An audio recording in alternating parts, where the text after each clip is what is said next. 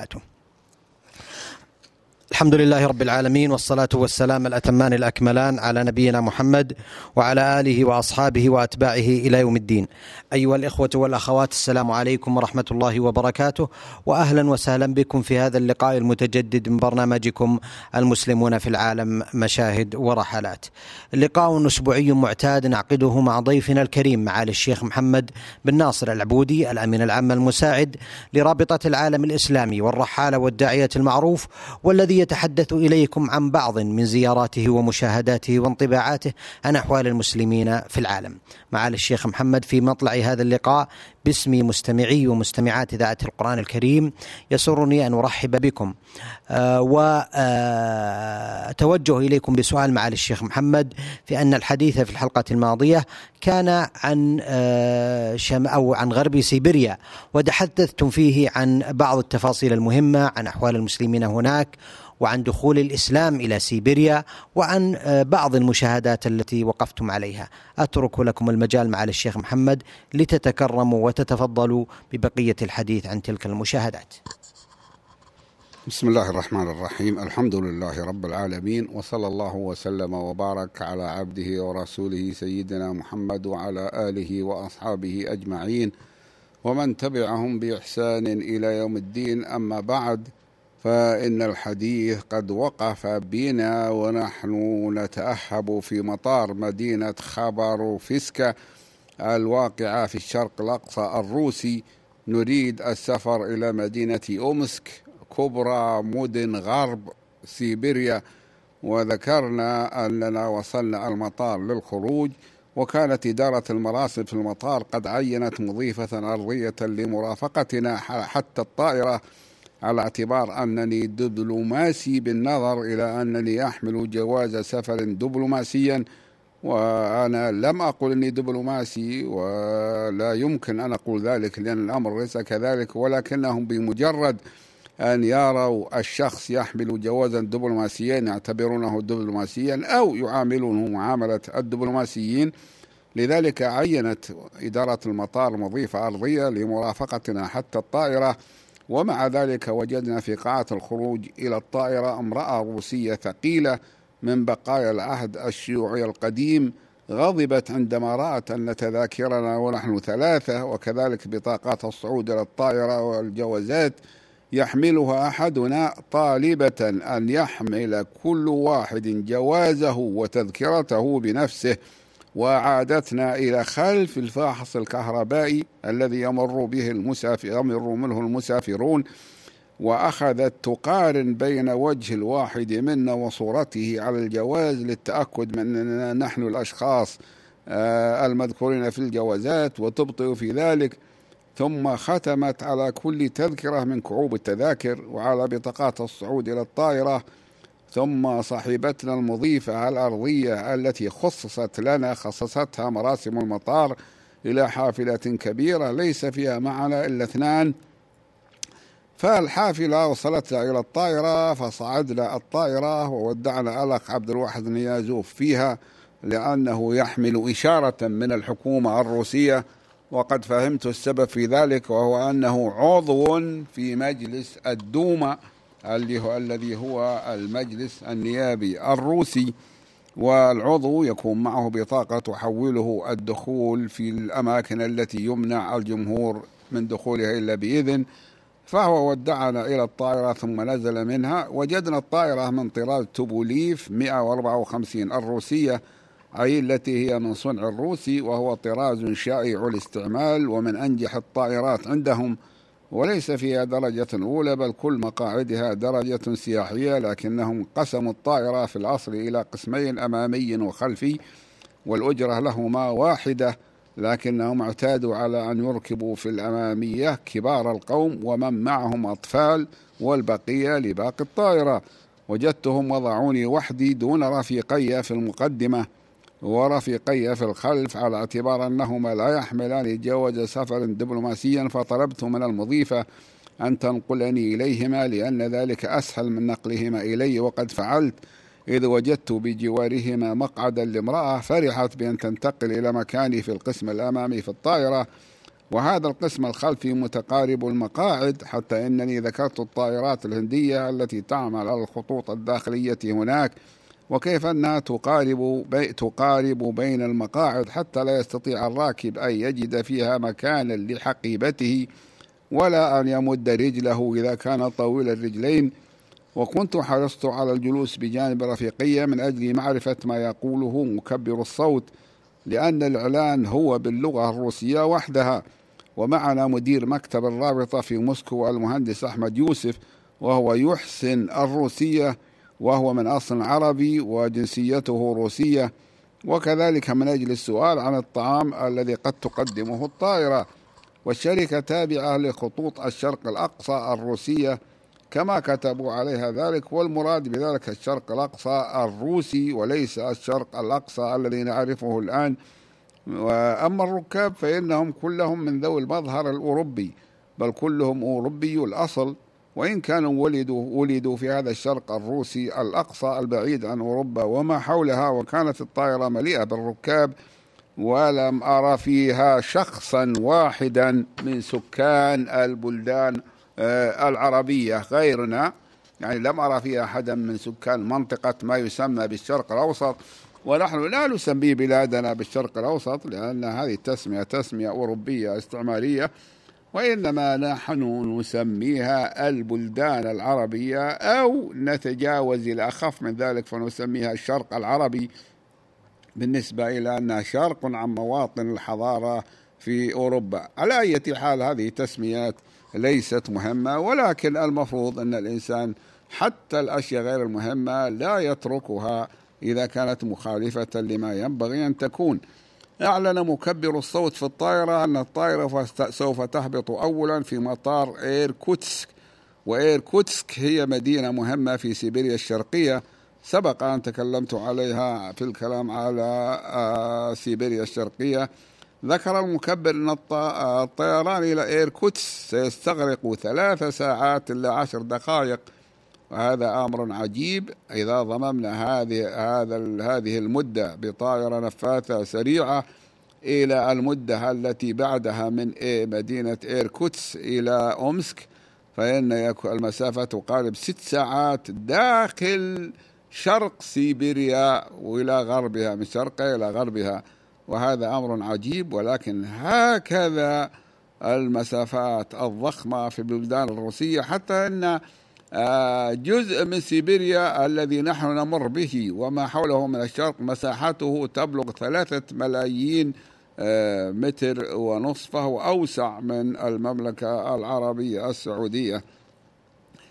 وقيل لنا إنه آه، أكثر حتى من ثلاثة ملايين ولكن أنا لم أستسق أن أذكر أكثر من ذلك. وطائراتهم طائرات الروسية النفاثة سريعة بل هي أسرع قليلا من الطائرات النفاثة الغربية كالبونغ والإيرباص وقد جربت ذلك بنفسي. إذ كنت مرة راكبا من شرق سيبيريا إلى موسكو والمدة كانت خمس ساعات ونصف. ورأينا طائرة تحتنا. من الممكن أن تكون أقل منا ب 2000 قدم و 3000 قدم. لا أدري عن اصطلاح الطائرات ولكننا نراها. فنحن وصلناها وهي طائرة أمريكية من طراز بونغ وصلناها وصلنا نطير فوقها ثم بعد مدة تجاوزناها. فطائرتنا أسرع منها قليلا. والمسافة التي سنقطعها اليوم من مدينة خبروفسك إلى أمسك تقارب المسافة بين جدة وبين طرابلس في ليبيا, ليبيا. وكلها في الشرق الروسي إلا أن إيركوتسك واقعة في شرق سيبيريا وليس في منطقة الشرق الروسي ولكن شرق سيبيريا متصل بالشرق الأقصى الروسي. ليس بينه وبينها أراضي أقلعت الطائرة بمطار خبروفسك قاصدة مطار إيركوتس في, في العاشرة إلى الثلث ضحى ونهضت وهي تزمجر زمجرة مزعجة يصل بعضها إلى من هم داخل الطائرة أما من هم خارجها في المطار. مثلا فإنهم ينزعجون لذلك كثيرا كما جربته أكثر من مرة لفرط شد صوت محركاتها النفاثة الثلاثة القوية. كانت السماء صاحية والشمس مشرقة عندما غادرنا خبر فسك إلا أنني لم أستطع أن أتبين الأرض التي تحتنا بوضوح بعد أن ارتفعت الطائرة بسبب وجود غيم خفيف تحتها ولم نجد شيئا من الأوراق فضلا عن المجلات والخرائط والمنشورات في جيوب المقاعد أمامنا بل كانت خالية تماما. وهذه عادة عرفناها قديما من الطائرات الروسية في زمن الشيوعية. ولم يحضروا أي جرائد وصحف للبيع لأنني لاحظت أنهم في بعض الرحلات يبيعون الصحف بيعا على الركاب ولكنهم لم يكونوا في أي رحلة من الرحلات لم أراهم يوزعون جرائد وصحفا في طائراتهم. لا شك أن هذا كان قديما وأنه الآن تغير ولكنني رأيتهم في بعض الطائرات يحضرون جرائد للبيع على الركاب غير أنهم في هذه الرحلة لم يفعلوا ذلك ولكنهم جاءوا بمبيعات متنوعة منها شراب ذكروا أنه من أعشاب معروفة عندهم وأنه يقوي الجسم ولم نشتري منه لأنهم ذكروا أنه يحتوي على قليل من الكحول ومن ذلك نوع من حلوى الشوكولاتة وجاءت المضيفة كالعادة بنصف كوب من الماء ومعه نصف كوب من شراب. ذكروا أنه شراب الفاكهة يخبرون يخيرون الراكب بين واحد منهما. أي لا تعطي الراكب نصف كوب ماء ولا نصف كوب شراب وإنما تخيره بينهما يأخذ أحدهما. هذا والطائرة الروسية هادئة في الجو هدوءا عجيبا. لم أرى مثله في الطائرات المصنوعة في أوروبا وأمريكا وقد سألت عن ذلك بعض الذين عندهم خبرة فذكروا أن ذلك راجع إلى أن الحكومة الروسية في زمن الشيوعية وهو الزمن الذي صنعت فيه هذه الطائرات لم تكن تصنع الطائرات على اعتبار أنها تريد الربح وإنما تصنعها لكي تيسر للناس الانتقال من جهة إلى جهة أخرى. صحيح أن ذلك يكون بنقود وأنه ليس كل واحد يستطيع أن يذهب لأنه يحتاج إلى جواز داخل الاتحاد السوفيتي ولكنهم لم يكونوا يبالون بالوقود الذي تحتاجه المحركات القوية في طائراتهم لأن الوقود عندهم وهو موجود في بلادهم ولا يشترونه. بعد ساعة ونصف من بدء الطيران أعلنوا مكبر الصوت أنهم سوف يقدمون طعام الإفطار وكان المفروض أن يقدموه في أول الأمر ثم قدموا وجبة جيدة بالنسبة إلى ما عهدناه عنهم في زمن الشيوعية من عدم تقديم الطعام للرحلات التي تقل مدتها عن ثلاث ساعات. ومن الطريف في عدم مراعاة راحة الركاب أن ظهر المقعد الذي يستند إليه الراكب هو من قماش سميك. لذلك لا يمنع من يكون خلفه من أن يضغط عليه إذا أراد أن ينصب ركبتيه أو يخفضهما أو لغير ذلك من الأغراض مثل أن يكون طويلا لا يتسع ما تحت المقعد الذي أمامه لرجليه. وهذا كان وهكذا كان بالنسبة إلي في هذه المرة. فقد شعرت بأن ركبتي الراكب الذي خلفي تضغطان على ظهري. وهذا لا يكون في الطائرات الحديثة مثل طائراتنا طائراتنا السعودية فإن الحاجز الذي خلف الظهر هو قوي لا يؤثر فيه الراكب الذي بعده. قبيل الوصول إلى مطار إيركوتس أعلنوا أن الحرارة فيها هي 19 تسعة تسعة عشرة درجة مئوية وهذه درجة جيدة. فرحنا بها بعد الحر الذي عانيناه في خبروفسك ثم دخلت الطائرة في لجة من السحاب اخترقتها وهي تتدلى وتتدنى من الأرض. وبدأ نهر انجارا الذي هو من الأنهار الكبيرة وهو يتصل ببحيرة بايكال التي تسمى يعني بايكال معناها البحيرة الغنية. بل إنه ينبع منها ولكن مجراه بدا عريضا متسعا كأنما هو بحيرة ضيقة وتقع مدينة إيركوتسك هذه آه، عليه. أما البحيرة نفسها التي ينبع منها هذا النهر فإنها تبعد عن هذا المكان بنحو خمسين كيلو مترا وهي بحيرة مهمة متميزة إذ تعتبر أعمق البحيرات العذبة في العالم كله. هبطت الطائرة في مطار إيركوتسك في الساعة الثانية عشرة والنصف ظهرا بتوقيت خبروفسك بعد طيران استغرق ثلاث ساعات إلا عشر دقائق. كانت تحف بمدارج المطار أعشاب مزهرة ملتفة لأن الصيف هو ربيع سيبيريا ونحن في الصيف الآن. وفي المطار طائرات كثيرة بعضها يبدو أنه لا يعمل وكلها متخلفة من الاتحاد السوفيتي السابق. الذي كانت مصانعه تسرع في إخراج الطائرات ليس على أساس تجاري وإنما على أساس أنها مهمة للمواصلات بين أجزاء البلاد المترامية الأطراف. أعلنوا أن على الركاب المتوجهين معهم إلى أمسك مثلنا أن يبقوا في الطائرة حتى ينادوا عليهم ولكن الركاب نزلوا كلهم ولم يبالوا بكلامهم دون أن ينادوا بشيء. فنزلنا معهم لأنه ليس من المعقول أن نجلس وحدنا في الطائرة ولكننا لم ندري أين نذهب فليس على المطار لافتات واضحة حتى باللغة الروسية توضح مكان الركاب العابرين ونحن في رحلة داخلية لا تحتاج إلى هذا فصرنا ننتقل من جهة من جهة مدخل إلى آخر ومن قاعة إلى مدخل مع أن معنا من يحسن الروسية وهو مدير مكتبة وهو مدير مكتب الرابطة في موسكو المهندس أحمد يوسف. فبعد ذلك أرشدنا أحد الناس إلى قاعة للمسافرين الأجانب غير القاعة التي يقدم لها المواطنون. ووجدنا فيها بعض الصينيين وتراءت لنا وجوههم غريبة غير وجيهة بعد الوجوه الصبيحة في الشرق الأقصى الروسي.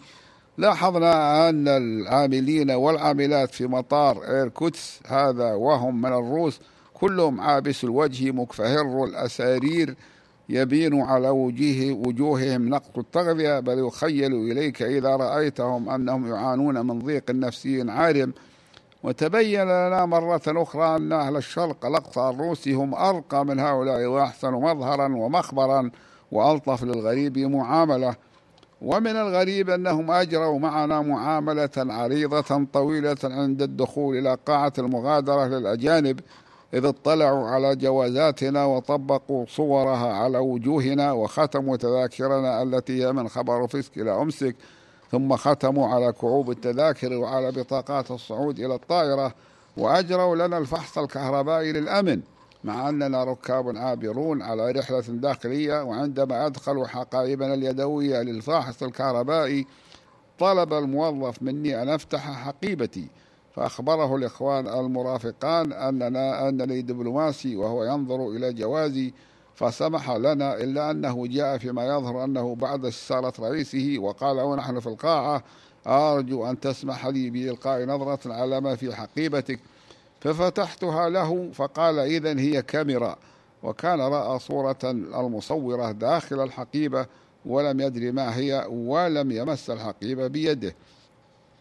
وهذا المطار الذي هو مطار إيركوتس من المطارات التي تصلح أن تكون نموذجا للمطارات الشيوعية القديمة حتى في أبنيته إلا في شيء واحد وهو أنهم يتسلمون الحقائب من المسافرين ويحملونها يحملونها إلى الطائرة خلاف ما كان عليه الأمر في زمن الشيوعية إذ كان الركاب يجب عليهم أن يحملوا أمتعتهم بأنفسهم إلى داخل الطائرة وينزلوها من داخل الطائرة إلى الخارج بأنفسهم ولا يوجد من يخدمهم في هذا في هذا العمل. كانت السماء غائمة بغيم كثيف ممطر عندما وصلنا ولكن المطر كان قد توقف. وعندما أردنا الخروج إلى الطائرة وكانت معنا مضيفة أرضية لكوننا من الدبلوماسيين الأجانب ذلك من أجل جوازي كان المطر يهطل والريح تهب باردة وكانوا أوقفوا حافلة كبيرة في موقف بعيد من القاعة التي كنا فيها وهي غرفة متوسطة السعة فأخذت المضيفة مظلة أي وهي الشمسية من زميل لي وتقدمتنا بمسافة وهي تشير أن اتبعوني. ولكن المطر ينزل والهواء بارد ولم يكن أمامنا إلا أن يأخذ كل واحد منا حقيبته اليدوية ويضعها على رأسه لتقيه المطر حتى وصلنا الحافلة. ولم يكن أحد قد ركب فيها قبلنا على عادتهم في إكرام الضيوف الأجانب بأن يركبوهم في الطائره قبل الركاب. هذه عادة كانت موجودة ولا تزال عندما ذهبنا إلى هناك ولا أدري عنها الآن. أعلنوا والطائرة تدرج في المطار وتريد الإقلاع تستعد للإقلاع إلى مدينة أمسك عاصمة غرب سيبيريا أن الطيران سيستغرق ثلاث ساعات إلى عشر دقائق ثم أقلعت في الثانية والربع حسب توقيت خبروفسك وهي الثانية عشرة والربع حسب توقيت إيركوتسك يعني بينهما فرق. وحالما ارتفعت كانت تطير فوق نهر أنقارا العظيم الذي ينبع من بحيرة بايكال العظيمة وإن كان يصح أن يقال أنه جزء منها لأنه يخرج منها ممتدا باتساع حتى يذهب إلى مصبه في شمال سيبيريا. ثم اختلف اختفت الأرض بسرعة خلف أو تحت السحاب الماطر فصارت تطير في جو شامس تحته جو أرضي مظلم. ومن سيئات طائراتهم هذه أن الحاجز في أرض الطائرة الذي يكون بين مقعد الراكب والذي أمامه غير موجود فكان الذي أمامي وضع حقيبة له كان يحملها بيده تحت مقعده فكانت تقترب مني وتمنعني من أن أمد رجلي وأذكر أنني في رحلة أخرى كنت قد خلعت حذائي أو الأدق من اللغة خفي فلما أردت لبسه وصرت أبحث عنه تحت المقعد لم أشعر إلا برجل, برجل الذي خلفي قد أدخلها تحت المقعد الذي أجلس عليه فتجاوزته. وكان طيران الطائرة هادئا متزنا خاليا من الاضطراب والاهتزاز مما لم أجد له مثيلا في الطائرات الأخرى التي تصنعها البلدان الغربية. وبعد أن مضى ساعة على بدء الطيران أعلنوا من مكبر الصوت في الطائرة أنهم سوف يقدمون القهوة. تصور أن تقديم القهوة يحتاج إلى إعلان من الطائرة وذلك أن الناس في زمن الشيوعية لم يكونوا يأملون أن تقدم لهم الطائرة قهوة. فهم أعلنوا من مكبر الطائرة أنهم سوف يقدمون القهوة. ثم وزعوا على الركاب أكياسا فيها شوكولاتة صغيرة وبسكويت وملعقة صغيرة وكيس من الورق فيه القهوة التي تكفي لفنجان واحد. وجاءوا بماء حار وفناجين فيصنع الراكب قهوته بنفسه ثم صاروا يبيعون على الركاب أكياس بطاطس مقلي مثل الذي يشتريه الأطفال آه، عندنا. الحقيقة أن هذه الأمور ربما تكون تافهة ولا تستحق أن تذكر ولكنها استرعت انتباهي وقلت في نفسي ما دامت استرعت انتباهي لماذا لا تكون تسترعي انتباه بعض الأخوة المستمعين أيضا؟ وقبل الوصول إلى أمسك أعلن المكبر بالروسية وحدها مثل سائر إعلانات الطائرة أن درجة الحرارة في أمسك هي 20 درجة وهذا أمر سار لأننا كنا نخشى أن, نكو أن تكون في صيف سيبيريا بقية من برد الشتاء وكان الجو صاحيا بل شامسا في منطقة أمسك السيبيرية وهي مدينة أمسك عندما وصلناها ورأينا الأرض تحتنا كلها معمورة بحقول كبيرة قطعت منها الغابات حتى لا تكاد تجد فيها مكانا خاليا من الحقول أو أو المجمعات السكنية. وتوجد بقايا قليلة من الغابات الكثيفة مما يدل على على ما هو معروف عن أكثر أنحاء سيبيريا من كونها ذات غابات ملتفة. وهذه الحقول تدل سعتها على أنها حقول حكومية عامة لأن هذا كان هو الوضع في زمن الشيوعية وليست من الممتلكات الخاصة. ومما يجدر ذكره هنا أن جميع الأراضي لا تزال حكومية مملوكة للدولة منذ أن صادر الشيوعيون الأراضي من الذين كانوا يملكونها وصارت حكومتهم تعطي كل شخص أو أسرة قطعة صغيرة من الأرض ليستثمرها كما لو كان يملكها لأنها لا تنزع منه إلا إذا ثبت أنه يملك أرضا أخرى مع أنه لا يملكها ملكا قانونيا لأن الأراضي كلها مملوكة للدولة ولا تزال الأراضي في المنطقة مملوكة للدولة عندما وصلناها عندما كنا فيها في هذه الرحلة. وقد بلغني بعد ذلك أن الحكومة باعت الأراضي أو ملكت الأراضي لبعض الناس. بدأ نهر إرتيش من الطائرة عندما وصلنا لأن مدينة أمسك واقعة على هذا النهر وعلى نهر أموم على نهرين. إنما نهر أرتيش هو الأكبر بدا كبيرا واسعا. وبالقرب منه نهر أوم الذي سميت باسمه المدينة أمسك أصغر من نهر أرتيش قبل أن يلتقيا قبل أن يلتقيا في المدينة. فيبتلع الأكبر منهما وهو إرتيش الأصغر وهو أوم. وهما معا يجريان في المدينة التي ظهرت شوارعها من الطائرة غير مستقيمة وظهر طريق ريفي ترابي. يمضي بعيدا في الريف. وهذا ليس معناه أنه لا توجد طرق إسفلتية فتوجد طرق زفتية ولكن هذا طريق ريفي. كما ظهرت ضواحي المدينة غارقة في خضرة الأشجار بحيث يقع كثير منها بين الأشجار وبيوتها متفرقة والحقول خضر مما يدل على أنها لا تشكو من الجدب الذي تشكو منه موسكو وأنها عديدة من أنحاء روسيا في الوقت الحاضر أنهم ليس الجدب هم مثل الجدب عندنا بأن الأرض تبدو عارية من النبات ولكن المطر يكون أقل مما هو في الأمور في الأوقات العادية. وخيل إلي أن خضرة الأشجار والتفافها جاء سريعا.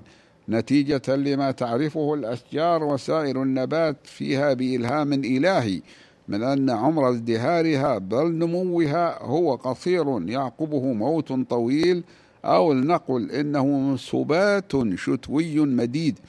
لذلك تبادر هذه الأشجار وأنواع النبات الأخرى إلى سرعة إخراج الأوراق والأزهار قبل أن يدهمها الشتاء الثالج الثقيل فتموت حتى يخيل لمن لا يعرف أمرها أنها لن تعود إليها الحياة.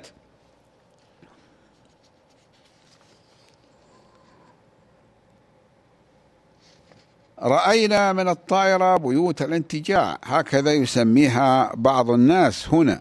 في روسيا ليس في هذه المدينة وحدها وهي تسمية لا تؤدي المعنى إلا إذا عرفت تعريفا وافيا وذلك أن النظام الشيوعي أجاز بأن يعطي سكان المدن أرضا صغيرة محدودة المساحة لا تزيد مساحتها على مئة متر أو نحوها يبني فيها صاحبها حجرة واحدة يسمونها بيتا صغيرا مسنم السقف تسنيما حدا أي واقفا. فصار الناس يخرجون من إلى هذه البيوت في فصل الصيف خاصة حيث الدفء والشمس المشرقة ينزلون في هذه البيوت الصغيرة الضيقة ويزرعون المساحة الباقية من الأرض بالبطاطس والخضرات التي تشرب من أمطار الصيف. ويمكن لشخص منهم أن يحصل من زراعة البطاطس على ما يكفي بيته مؤونة من البطاطس للشتاء الطويل الذي تعقم فيه الأرض عن النبات. ولا يستفيد الناس منها بشيء حتى الماء لأن الثلج الذي يسقط كثيفا لا يصلح للشرب إذا أذيب لأنه خال من الأملاح المعدنية الموجودة في مياه الأنهار والبحيرات الموجودة في المنطقة وتكون تلك البيوت التي يسميها بعضهم كما قلت بيوت الانتجاع وبعضهم يسميها بيوت الصيف قريبا من المدن كما في حالة أمسك هذه. وما شبهتها إلا بخيام الانتجاع لنا وأمثالنا الذين نخرج في أوقات الربيع خارج المدن.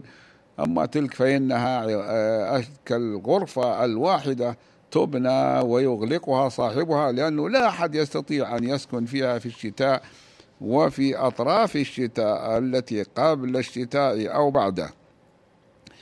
تؤلف هذه الأبنية الكبيرة العالية تؤلف هذه الأبنية مجموعة أو ضاحية من ضواحي المدن ومن أهمها ضاحية المدن ضاحية أمسك. وقرب المطار رأينا أبنية ضخمة مما سميته أنا منذ القديم بالبيوت الشيوعية وهي الأبنية الكبيرة التي تتألف من طوابق عديدة وتتكون من شقق صغيرة تعمرها الدولة الشيوعية وتؤجرها بأجور رخيصة بالرمزية. لموظفيها والعاملين لديها. وأحيانا لعامة الناس الذين كانوا أو كان أكثرهم يعتبرون بشكل أو بآخر من العاملين في الدولة. وتؤلف هذه الأبنية الكبيرة العالية ذات الطبقات صفوفا قرب حدود المطار. هبطت الطائرة في مطار أمسك في الساعة الرابعة بعد الظهر ضبطا بتوقيت خبر فيسك التي غادرناها في الصباح وهي الساعة الثانية عشرة بتوقيت أمسك هذه التي وصلناها فالفرق بينهما في التوقيت هو أربع ساعات يتأخرها توقيت أمسك عن توقيت خبر وفسك. وهذه كلها في منطقة من منطقة سيبيريا والشرق الروسي الأقصى. الفرق التوقيت بينها أربع ساعات وذلك لسعتها وكانت مدارج المطار محاطة بأعشاب برية كثيفة وربما كان هذا طبيعيا في هذه البلاد لا يستغربه مثلي وإنما الذي أستغربه هو رؤية أشجار برية قصيرة قريبة من المطار. آه، أعلنوا قبيل وقوف آه، الطائرة في ساحة المطار المكشوفة أن على الصفوف الأمانية الأمامية من الركاب أن تنزل أولا وكذا في الجزء الأخير وكنا في الجزء الأخير من الطائرة. المطار واسع للساحات. من الطريف أنني رأيت مسار الطائرات التي تدرج على الأرض قد خططوه بخطوط بيض كما تكون الخطوط للسيارات البيض على الأرض عندنا. قال أحد الرفاق وهو يشير المرافقين معنا وهو يشير إلى ناحية من الطائرة لقد أعد القوم لكم استقبالا رسميا في المطار ولم أكن توقعت ذلك ولا رأيت له احتمالا. لذلك لم ألبس لباسا عربيا رسميا ولا لبست لباسا فرنجيا كاملا فلم تكن في عنقي ربطة أو نقل قلادة من القماش. رأيت بالفعل موظفي التلفزة على أكتافهم عدتهم وسيارة عسكرية رسمية مع ثلاث سيارات ركاب قد قربوها من الطائرة.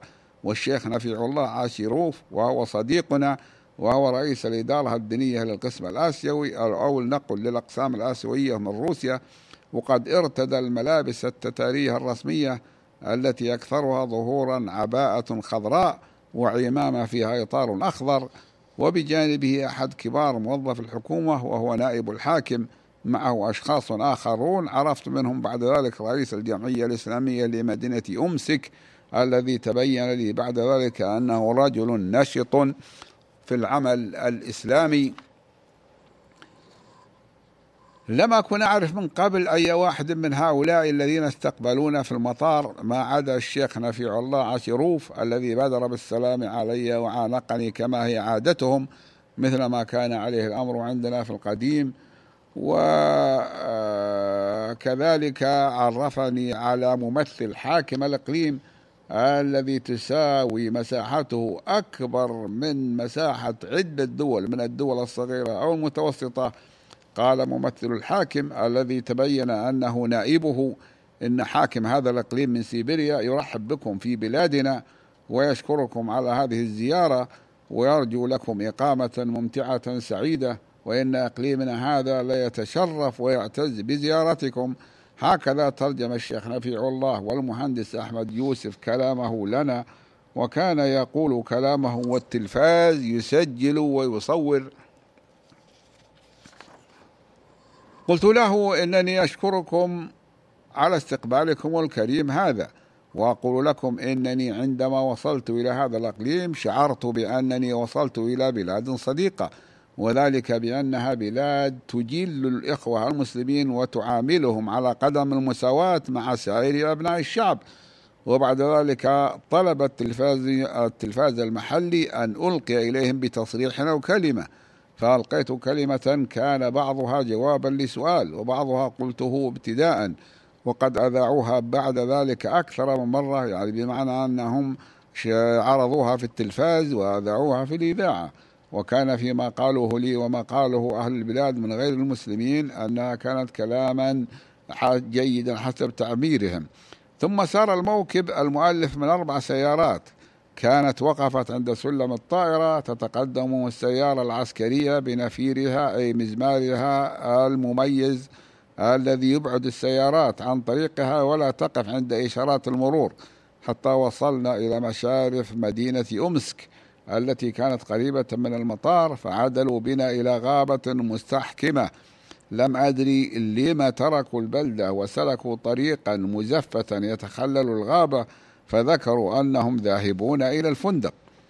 ومررنا بنهر إرتيش الذي هو من أشهر أنهار هذه المنطقة حتى أن خبره كان وصل إلى أسلافنا القدماء الأماجد أمثال المسعودي. الذي ذكره قبل ألف ومائة سنة.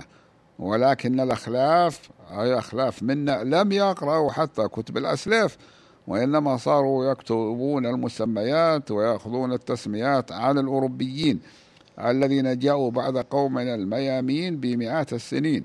وكان أهلها في ذلك الوقت كلهم كفارا ثم صارت بلاد الإسلام يحكمها وولاة الأمر في وولاة الأمر فيها مسلمون.